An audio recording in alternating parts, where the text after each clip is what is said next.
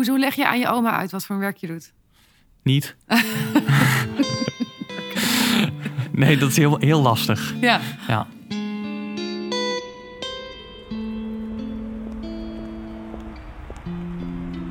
We zijn halverwege de zaak en ik ben dus ook halverwege mijn stage.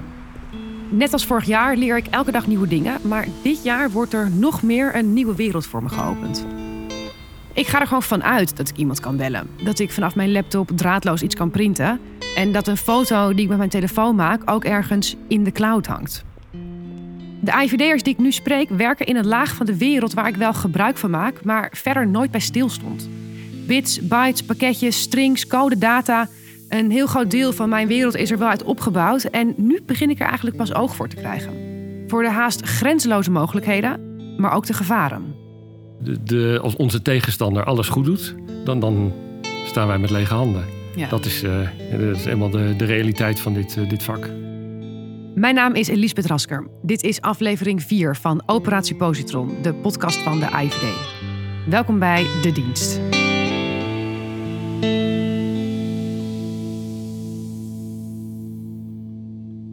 Tom, daar zitten we weer. Jazeker, nieuwe dag, nieuwe kansen. Ja, Eh, dit keer een stuk wakkerder dan de vorige. ja. maar er is wel... eh, je zei dat je het druk ging krijgen, dus dat... eh, Absoluut. Ja. De, de tapdata is uh, en masse eh, binnengestroomd. En eh er is ook al naar gekeken. En er zijn veel antwoorden en eigenlijk ook nog veel meer vragen in te vinden. Dus ik zou echt willen voorstellen, we gaan zo snel mogelijk de diepte in. Gaan zo snel mogelijk met wat specialisten om tafel zitten. Om eens te gaan kijken wat zij allemaal gevonden hebben. En met wie, met wie moet ik nog gaan zitten? Eh, ik zou beginnen met een collega van eh, CNI, van Computer Network Investigations. Dat is Mark. Ja, Eh, en hij kan je helemaal meenemen in alles wat er gevonden is in de tabs. oké. En hij heeft ook de implant rookworst bekeken. Dus daar kan hij ook nog van alles over vertellen als je nog details wil weten. Oké, ja. En daarnaast ook handig om meteen even door te lopen naar een collega van crypto, Bas. En ik had al een beetje in de tab gespiekt. En ik zag al her en der wat verkeer voorbij komen wat er zeer versleuteld uitzag. Ja, Dus ik zou meteen met hem even gaan overleggen of er mogelijkheden zijn om eh, te kijken wat daar eigenlijk staat. dus nu gaan we echt de technische details in. Zeker weten. Ja, want bij een cyberzaak ontkom je natuurlijk niet aan die technische details. Maar alles is op hoofdlijnen ook heel goed te volgen en het is heel interessant om meer te leren over hoe je apparaten en online diensten eigenlijk werken. Mijn eerste gesprek van de dag is met Mark. Hij zit bij de afdeling CNI. Eh, CNI staat voor Computer Network Investigation. Ja, En investigation is denk ik het sleutelwoord in, eh, in deze terminologie. ja, Eh, en dat gaat om onderzoeken. ja. En hoe lang werk jij al bij de IVD? Ehm, ik werk niet bij de IVD. Ik werk Oh. bij de MIVD. Mark werkt niet voor de AIVD, wat staat voor Algemene Inlichtingen en Veiligheidsdienst, maar voor de MIVD, dat staat voor Militaire Inlichtingen en Veiligheidsdienst. Ook een geheime dienst dus, maar met andere taken. De MIVD zorgt ervoor dat onze militairen in het buitenland kunnen beschikken over de informatie die ze nodig hebben om hun werk veilig te kunnen doen. Er is tussen IVD en MIVD wel een aantal gezamenlijke afdelingen, zoals de Joint SIGINT Cyber Unit, wat ze hier afkorten met JSCU. Pim werkt daar uit aflevering 1. En Mark, die ik nu spreek. Ik zit op dezelfde werkplek als mijn IVD-collega's. Ja, Ik weet eigenlijk ook niet wie MIVD, wie IVD is. We lopen allemaal door elkaar. In hetzelfde pand dus ook gewoon. In hetzelfde pand. Oké. Binnen Ja. ben ik eh zogenaamd lead-onderzoeker. Oké. We onderscheiden twee rollen. Eh lead-onderzoeker is betrokken bij de onderzoeken. Ja. Eh, en dan hebben we ook domeinspecialisten. Mark ziet er best jong uit, maar is hier al een hele tijd werkzaam. Hij is dan ook al tijdens zijn studie informatica gescout door de IVD en ook hij heeft van zijn hobby zijn beroep gemaakt. Ja, ik kreeg wel op een gegeven moment een beetje een vreemd belletje van iemand die zei van... we willen verder met je praten of Oh we ja? willen een keer kennis maken. Dus dat was eigenlijk wel heel leuk. Wij zijn echt wel bezig eh, met het ontdekken van dingen. En Ja. iedereen heeft een natuurlijke nieuwsgierigheid. En daarmee eigenlijk ook een drive om nou ja, beter te worden in wat je al doet. Eh, de ontwikkelingen binnen cybersecurity en dit soort eh, ja, gerelateerde onderwerpen eh, staat natuurlijk niet stil, ontwikkelt zich supersnel. Eh, en daar moet je een beetje bij blijven en het liefst eh, voorop lopen. Ja. In, in kennis over wat je te onderzoeken hebt. En dat, dat is hier de plek voor bij uitstek. Dus zeker, Ja. zeker. Misschien dat je net als ik soms niet meer helemaal duidelijk voor ogen hebt wat het verschil is tussen alle mensen die je hebt gehoord, omdat iedereen maar met de data bezig is. Dus even een klein overzicht. Dit zijn de drie belangrijke afdelingen die je in deze podcast hoort. We hebben CND, dat staat voor Computer Network Defense. En zij zijn bezig met aanvallen af te weren. En dit doen ze door netwerken geautomatiseerd in de gaten te houden. Dan is er CNE, Computer Network Exploitation. Dit zijn de hackers, daar ga ik later iemand van spreken. En we hebben CNI, Computer Network Investigation. Zij onderzoeken malware en proberen zo de werking van de malware te achterhalen en de makers, dus de daders. Mark is van CNI en dit is in zijn eigen woorden wat zijn werk inhoudt. Wij kijken naar de data. Ja. Uh, dus er komt een heleboel data binnen. Die moet op een of andere manier inzichtelijk gemaakt worden. Mm -hmm. En daar hebben we verschillende tools voor. Die en als je, zegt, sorry, als je zegt, er komt een hele hoop data binnen. Ja. Hoe ziet dat er dan uit?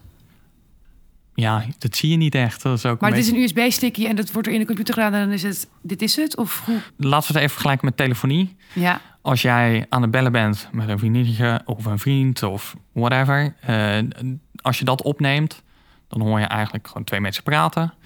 Um, als twee computers met elkaar communiceren, dan ja, bellen die eigenlijk ook soort van met elkaar. Ja. En die wisselen een heleboel data uit om dat in goede banen te laten lopen. Mhm. Mm -hmm. Dus dat is overhead data, dat zegt van waar, waar het pakketje heen moet. Dat wordt opgeknipt in stukjes om het efficiënter te laten verlopen. Um, en daar zit ook echt data in. Dus als jij een website bezoekt, dat ja, nu.nl, dat moet over een internetkabeltje of over wifi moet dat naar jouw telefoon of naar je laptop toe. Dat zit er in die pakketjes. En als je kijkt naar stroomdata, dan zit dat allemaal opgeknipt uh, in allemaal kleine pakketjes die op je computer weer in elkaar worden gezet. Daar komt maar hoe ziet het er op jouw scherm uit? Kijk je dan naar allemaal getallen? Kijk je naar allemaal letters, cijfers? Waar, waar kijk je naar? Allemaal sessies. Sessies? Sessies. Hoe zien die sessies er dan uit? ja, over het algemeen zien die eruit als bytes. Um, en IP-adressen, waar het vandaan komt, waar het heen gaat. Uh, tijdnotatie, wanneer dat dan is gebeurd. Welke protocollen het zijn. En vaak is uh, data die we bekijken uh, geëncrypt, versleuteld. Ja. Dus dan zien we er eigenlijk ook niet zo heel veel aan. Dan kunnen we er ook niet eens zo heel veel mee. Nee, dan moet dat eerst... Die code moet eerst gekraakt worden, bedoel je? Dat kan, Ja. maar dat is ook lang niet altijd mogelijk. Nee. Ehm, en dan? Is het idee, wat wil jij weten? Ja. Nou, in het geval van die malware waar we het dus nu over Ja. hebben... dan wil ik dus weten wat het precies doet... waar het vandaan komt, waar het heen gaat... wat het al heeft gedaan, misschien. Ja, lijkt me hele goede vragen. Lukt dit altijd? Ik bedoel, is het altijd gezegd dat als, als zo'n malware bij jullie binnenkomt... dat je, dat je die informatie eruit krijgt? Of, of, of, of is de deur, blijft de deur ook wel eens dicht? De deur blijft ook zeker wel eens dicht. Ja. Dat klopt. En wat dan? Eh, dan ga je net zo lang door totdat je wel de deur open probeert te krijgen. Ja. En soms komt er later in het onderzoek nog wel een puzzelstukje waarmee je eh, uiteindelijk die deur wel open krijgt. Mhm. Eh, dat is uiteindelijk de bedoeling, maar soms kom je er ook gewoon echt niet achter en dan moet je het laten rusten. Ehm, en dan kijken we later nog wel of, Ja. of we daar weer wat mee kunnen, ja of nee.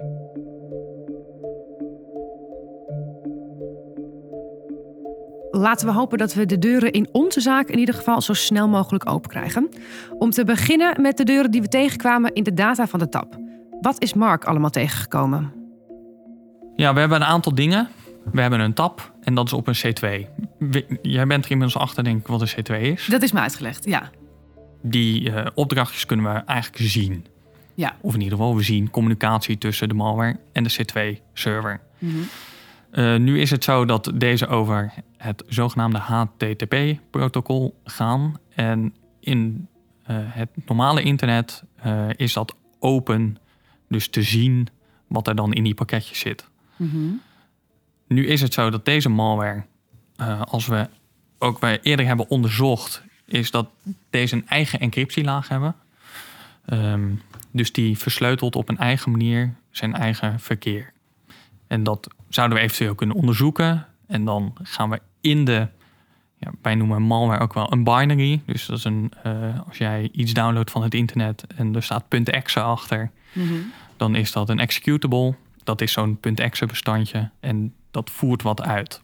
Dan kunnen we kijken, wat, wat doet dat precies? En Ja. dan echt op microniveau. Dus stel dat jij vroeger lekker eh, een beetje aan het ontdekken was wat techniek allemaal doet. Eh, dus eh, je trekt een stofzuiger uit elkaar en wat doet dit knopje en wat doet dat knopje. Nou, zo werkt dat virtueel eigenlijk ook. Om te kijken van hoe werkt zo'n machientje eigenlijk. Ehm, en als we dat helemaal zo in ons jargon uit elkaar trekken, dan kun je zien dat er eh crypto-routines zijn, dat er stukjes zijn in de, in de code die de communicatie opzetten met de C2-software. En dan zouden we eventueel inzicht kunnen krijgen in het verkeer, wat er ook echt over eh, naar de C2 gaat. Ja, ik, kan, ik neem aan dat de statelijke actor waar dit over gaat, ehm, als het de statelijke actor is, dat die dit allemaal zo hebben gebouwd dat dit allemaal niet gaat lukken. Ja, dat, is, dat is wel wat ze meestal proberen. Precies. Zijn jullie, ben, je, ik kan, ben je ook wel eens heel erg onder de indruk van wat je aantreft? Dat je Zeker. denkt, wow, dit is echt waanzinnig gemaakt. Zeker. Dat, is, eh, dat noemen we obfuscatie. Obfuscatie. Oké. Obfuscatie. En dan probeert een andere actor het zo ingewikkeld mogelijk te maken. En er zijn ook tools om dat te doen. Om eh, in het ehm, programmeren gebruik je meestal hele logische namen voor eh, functies in, in code. Die obfusceren ze dan met nou ja, hele complexe namen. Dat husselen ze allemaal door elkaar heen. En nou ja, zodat er eigenlijk helemaal niets meer van te volgen is. Ja. Eh, en je probeert dat dan helemaal terug te reconstrueren. En dat kan heel veel tijd kosten, eh, maar het is enorm bevredigend als het uiteindelijk wel lukt. Is dat in dit geval ook zo? Kun je daar al iets over zeggen? We kunnen een aantal dingen zeggen. Ehm, ik pak het er even bij. Als we kijken naar de opbrengsten van de TAP, dan zijn er eigenlijk een aantal conclusies eh, in het kort die we, die we hebben. We zien verkeer van slachtoffers. Eh, in jargon noemen we dat beaconing. Ja. Eh, dat zijn twee slachtoffers. Beide bij hetzelfde bedrijf. Waar we al bang voor waren, is dus inderdaad het geval. We hebben te maken met twee slachtoffers, wat ook betekent dat we met een serieuze aanvaller te maken hebben die zich niet zomaar gewonnen gaat geven. Het werkt vaak zo dat een aanvaller zit in het netwerk van een slachtoffer, in dit geval Electron BV, Ja. eh, en plaatst daar meerdere implants, dus eigenlijk meerdere Ah, stukjes malware op diverse computers. om de kansen te spreiden dat ze erin blijven. Of, Exact. oké. Stel dat ze ontdekt worden op plek A, dan zitten ze nog op plek B. Ja. En, we dat- dachten dat er eentje was, maar dat is dus. Dat niet- zijn er twee. We hebben, we hebben twee afzonderlijke machines gezien. Oké. En dat noem je in het jargon noem je dat persistence. Zo ja, goed mogelijk blijven zitten Ja. waar je al zit. En moet ik me dan voorstellen dat de een op de computer van de receptionist zit en de ander eh, op, op een andere computer? Of hoe, hoe ziet het eruit? Dat kan. Oké. Wij zien ehm, niet, op dit moment niet zo goed waar ze precies zitten. Eh, wat wij zien is een ja, weerspiegeling van hoe eh, een computer zich op het internet gedraagt. Dus we zien een, een user agent. En dat is dan eigenlijk de identiteit van een computer. En we, zijn, we zien twee verschillende user agents. Ja. En dat zegt ons in ieder geval dat het twee verschillende computers zijn. Maar waar en van wie die precies staan of zijn, dat. Dat zouden we bij Electron BV moeten checken. Ja, Oké, is dat relevant? Zeker. Ja. Zeker. Dat kan, als het computer van de receptionist is, dan is het misschien niet zo'n probleem. Maar als het eh, de centrale fileserver eh, is waar eh, al hun nou, bedrijfsgeheimen of Ja. wat ze ook Oh, maar ja. willen beschermen staan, dan, dan is dat een stuk problematischer. Daarnaast zien we ook een andere server connectie maken met de C2. En het Hm. vermoeden is natuurlijk dat dat een ander deel is van de actorinfrastructuur om de informatie uit het netwerk van het slachtoffer nou een stapje verder richting de actor te brengen. Dus dan gaan we nog een stap verder af. Ja. Eigenlijk. Ja. Ja, je moet je eigenlijk voorstellen dat jij vanuit Nederland naar iemand in Zwitserland belt. Vanuit Zwitserland weer naar Amerika, van Amerika weer door. En jij ziet eigenlijk alleen naar wie jij in Zwitserland hebt gebeld. Ja, En de boodschap die gaat helemaal over alle schijven door naar de... een ouderwetse telefoonketting voor als je vroeger moest eh, doorbellen dat het eerste uur uitviel. Ja, je weet niet waar het uiteindelijk vandaan komt. Ja, ehm, maar je weet wel de laatste die jou gebeld heeft. en dan ga je stapje voor stapje voor stapje ga je proberen steeds Ja. dichter bij de bron te komen. Maar lang niet al die servers staan alleen in Nederland of hebben we toegang Nee. toe. Dus dat maakt het heel complex. Ik vind het nog steeds moeilijk om het, eh, om het, ehm, Te visualiseren, ja, dat snap ik. ja, Dat blijft ook zo. dat blijft zo. Ja. Hoezo leg je aan je oma uit wat voor werk je doet? Niet. nee, dat is heel, heel lastig. Ja, Ja, dan zeg je ik doe iets met computers. ja daar komt het wel op neer, ja. ja. En dan zegt ze, vraagt ze dan jou steeds als zij iets met de, met de computer heeft of je het even voor haar wil oplossen. Ja, Ze heeft een iPad en daar kan ze alles mee. Dus dat is helemaal top. Geweldig. Het is wel goed te doen om het visueel te maken, maar dat zul je er altijd bij nodig hebben om het goed te begrijpen. Dus ik, heb, ik, ik maak ook een plaatje in mijn rapport van eh, wat er aan de hand is. Ja? Omdat eh, het anders gewoon niet zo goed te begrijpen is. Ja, Als ik zeg twee slachtoffers, een C2 en er wordt eh, nog iets gepold van een andere server. Ja, dat kan natuurlijk het ene oor in en het andere oor uit. Ehm, als je daar niet zo'n beeld bij hebt.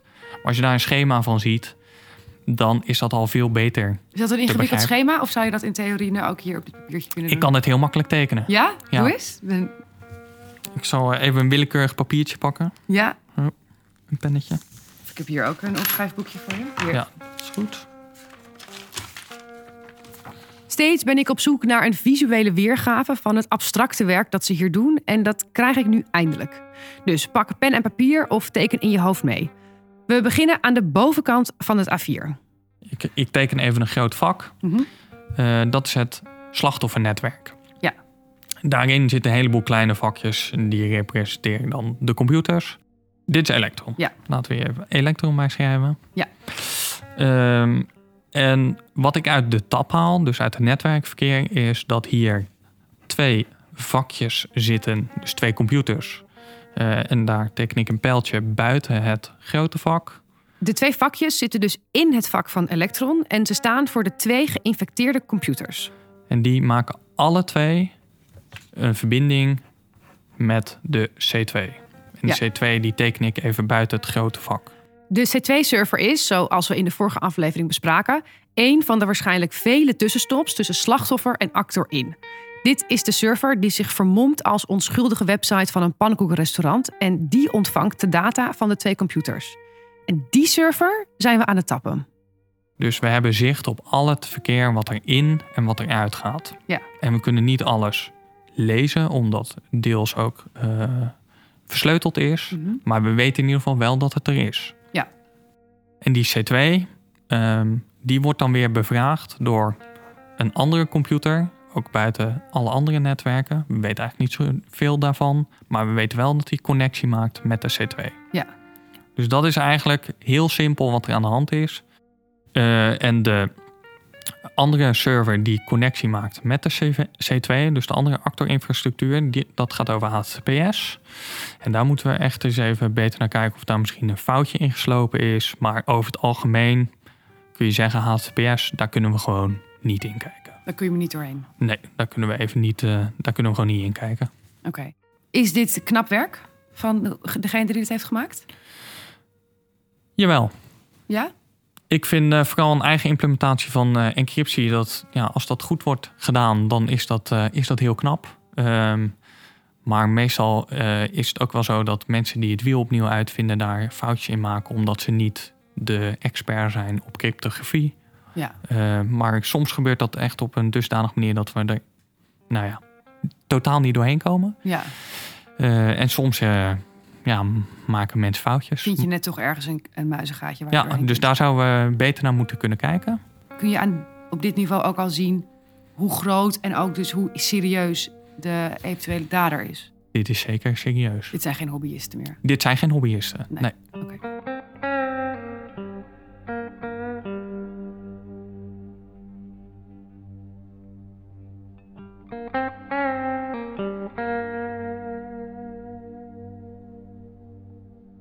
Een deel van de data door encryptie, dus door versleuteling, niet direct zichtbaar is voor Marcus en team, ga ik praten met iemand die dat wellicht kan oplossen.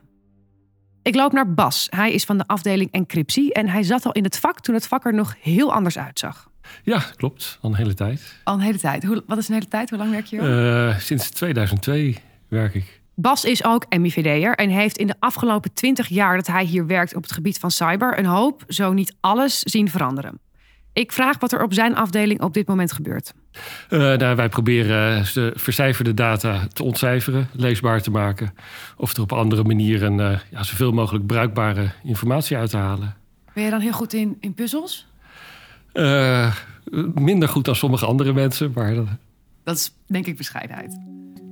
We, hebben, we, hebben, een heleboel hele goede mensen hier. ja, precies. Ook, ook, bij de crypto. Ja. Maar als, er, als ik een, een bak met letters uitstrooi, dan kun je heel snel zie jij, kun je daar verbanden in zien. Of hè, abstracte dingen concreet maken. Moet ik het me zo voorstellen? Voor een deel wel, ja. ja. Kun je me in, in, in hele simpele bewoordingen uitleggen wat een crypto-algoritme eigenlijk is? Uh, ja, dat is een lastige vraag.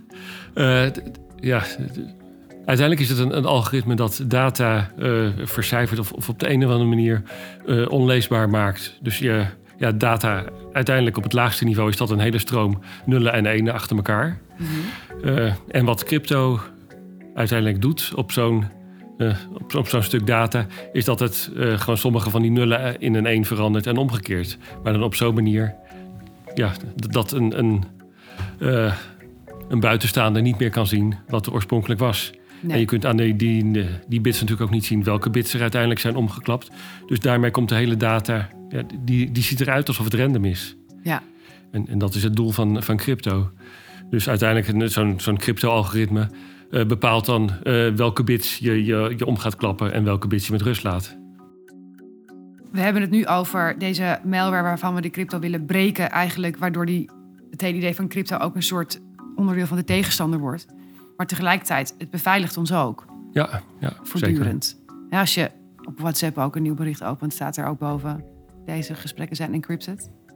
Maak jij gebruik van WhatsApp? Ja. Wel? Ja. Dat is veilig genoeg dus. Uh, ik, ik zou er geen staatsgeheimen over, uh, over versturen. Nee, maar op de, gewoon de, de familie te appen, uh, daar is, is het veilig genoeg. Ja. Niet alles wat je vervolgens hebt ontcijferd is ook daadwerkelijk van belang.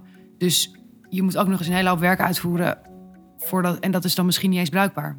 Ja, nee, we, hebben in het verleden ook wel eens een afdelingshoofd gevraagd, uh, gehad. die ons vroeg of we niet de belangrijkste berichten als eerste konden ontcijferen. Ja.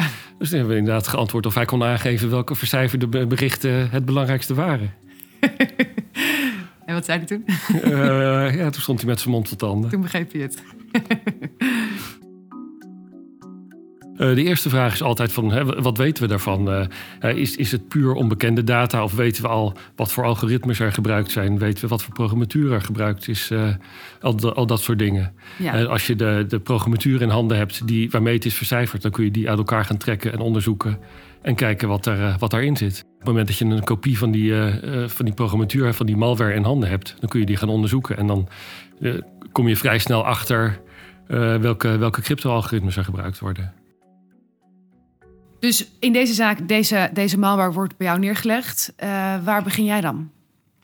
Uh, nou, we beginnen inderdaad met uh, kijken van wel hebben de programmatuur, die gaan we onderzoeken. Wat voor algoritme zit erin? Maar ook waar halen ze de sleutels vandaan? Hoe genereren ze die? Waar slaan ze die op?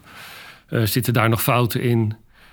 gebruiken ze een slechte random generatie bijvoorbeeld? En dat je sleutels krijgt die op elkaar lijken. Of dat er meerdere berichten met dezelfde sleutels worden mm -hmm. vercijferd. Al dat soort dingen. Dat zijn, uh, uh, ja, dat zijn allemaal uh, foutjes die ze kunnen maken. En dat zijn haakjes waar wij dan aan kunnen gaan peuteren. Is het leuk werk? Ik vind het ontzettend leuk werk vaak. Ja? ja. Wat, wat maakt het zo leuk voor jou? Het, het, is een, ja, zoals het, net als hij, het is een puzzel. Hè? Het is een intellectuele uitdaging. ja. Dus het is gewoon ontzettend gaaf als het, als het je lukt.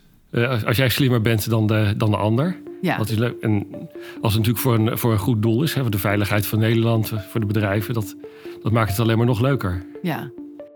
Het, het hangt heel erg af van, van wat je weet van tevoren. Hoeveel je, uh, hoeveel je weet eh, over, over de gebruikte vercijfering. En, en op het moment eh, dat je zeg maar weet dat, dat er RC4 is gebruikt, nou ja, dat is een redelijk sterk algoritme, dan weten we al dat we niet op zoek hoeven te gaan naar een zwakheid daarin, maar dat we op zoek moeten gaan naar een, zwakheid in de manier waarop die gebruikt is. Dus dan gaan we heel erg zoeken van, worden er sleutels hergebruikt? zijn worden er zwakke sleutels gebruikt, slechte rendement, dat soort, dat soort dingen de, de, als onze tegenstander alles goed doet, dan, dan staan wij met lege handen. Ja. Dat, is, uh, dat is eenmaal de, de realiteit van dit, uh, dit vak.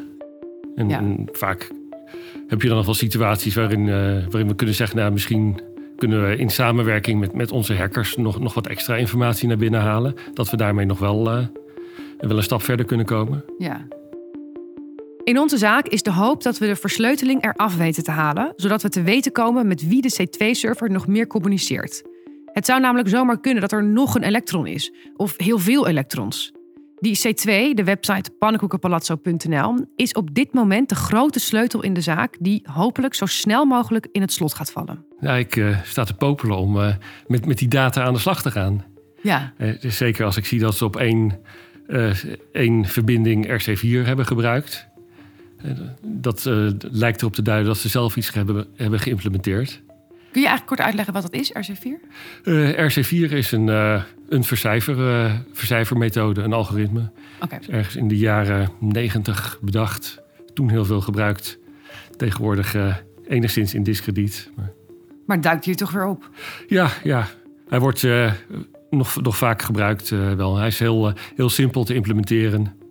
Maar moeilijk te kraken? Uh, moeilijk te kraken als die, eh, als die goed geïmplementeerd is uh, ja. en goed gebruikt. Zelf geïmplementeerde crypto is altijd uh, leuk voor ons. Want daar is de kans groot dat er meer wat mis mee is. Dat er wat te halen valt. Ja, ja. ja. ja van, van, tevoren kun je op basis van een paar steekwoorden...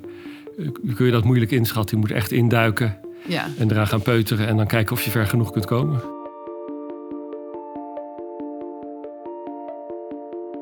Als dat allemaal al gelukt is, hè, stel, wat doe je dan? Wat, wat, wat, wat is, aan wie geef je het dan door? Waar gaat het dan heen?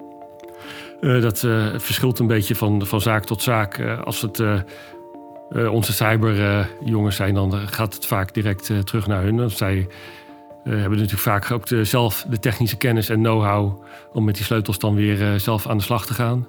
En de boel zelf te ontcijferen en verder, er, ja, verder met die data te gaan. Ja. Als het meer naar analisten of eh, mensen die, gaat, die meer op de inhoud zijn, dan moeten wij zelf ook de boel ontcijferen en een beetje in een leesbaar formaat zien aan te leveren. In normale mensentaal. Ja, ja, ja, en dan kijken of we het gewoon netjes aan kunnen leveren aan het, het grote cluster dat we hebben in een formaat dat door alle, alle tools kan worden gelezen. Ja, zodat ik er ook wat van begrijp.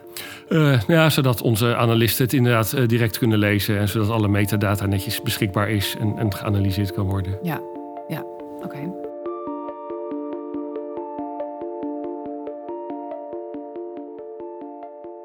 Ik ga terug naar Tom om uit al deze technische details te stappen en even uit te zoomen.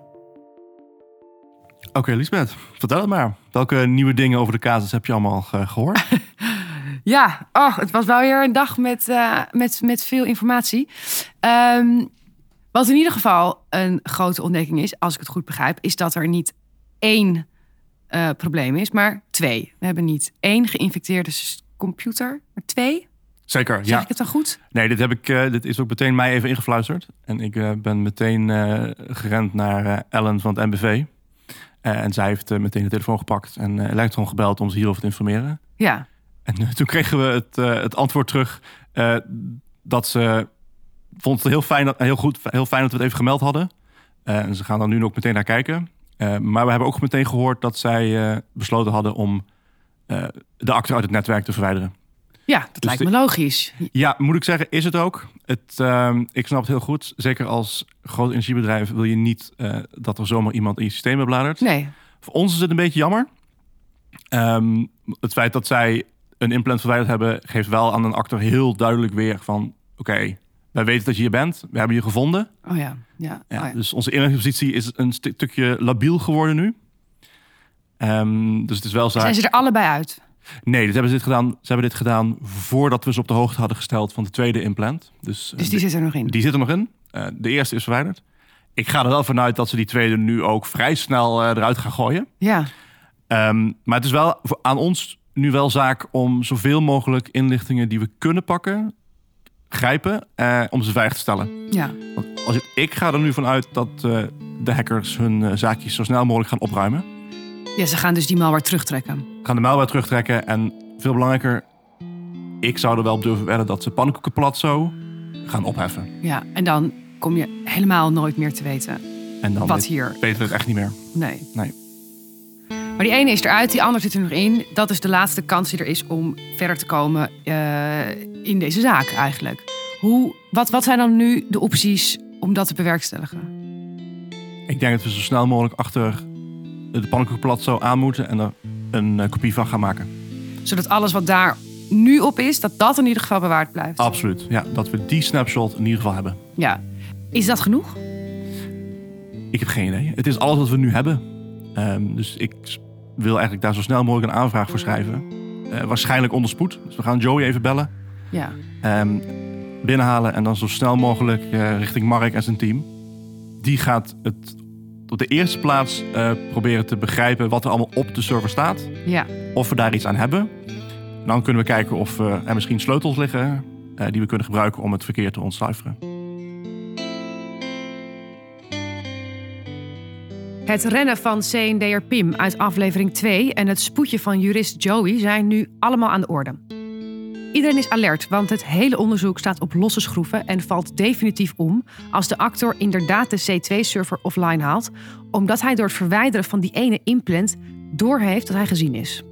Wie de aanvaller is en wanneer hij dan weer toeslaat, zijn dingen waar de AIVD dan helemaal geen zicht meer op heeft. Er gaat nu een kopie van de server gemaakt worden, zodat alles wat er nu is in ieder geval niet verloren gaat en we dat verder kunnen onderzoeken. De challenge voor wie met ons mee rechercheert gaat ook door. Hier is Tom met de volgende opdracht. Nou, de image is aangevraagd, de data is onderweg. Klaar om eh, helemaal uit elkaar gehaald te worden door het eh, team van eh, Mark van. Eh, en als je nou zelf zin hebt om mee te helpen, dan is deze informatie altijd weer beschikbaar op operatiepositron.nl.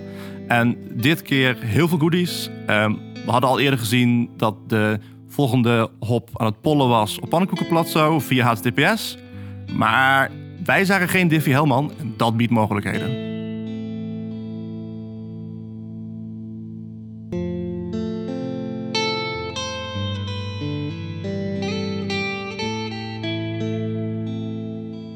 Dit was de vierde aflevering van De Dienst, een podcast van de AIVD. Gepresenteerd door mij, Liesbeth Rasker, en geproduceerd door het podcastkantoor in samenwerking met Werkmerk. Abonneer je nu, zodat je niets van dit nieuwe onderzoek hoeft te missen. En laat ons vooral weten wat je van deze serie vindt in een recensie in je favoriete podcast-app.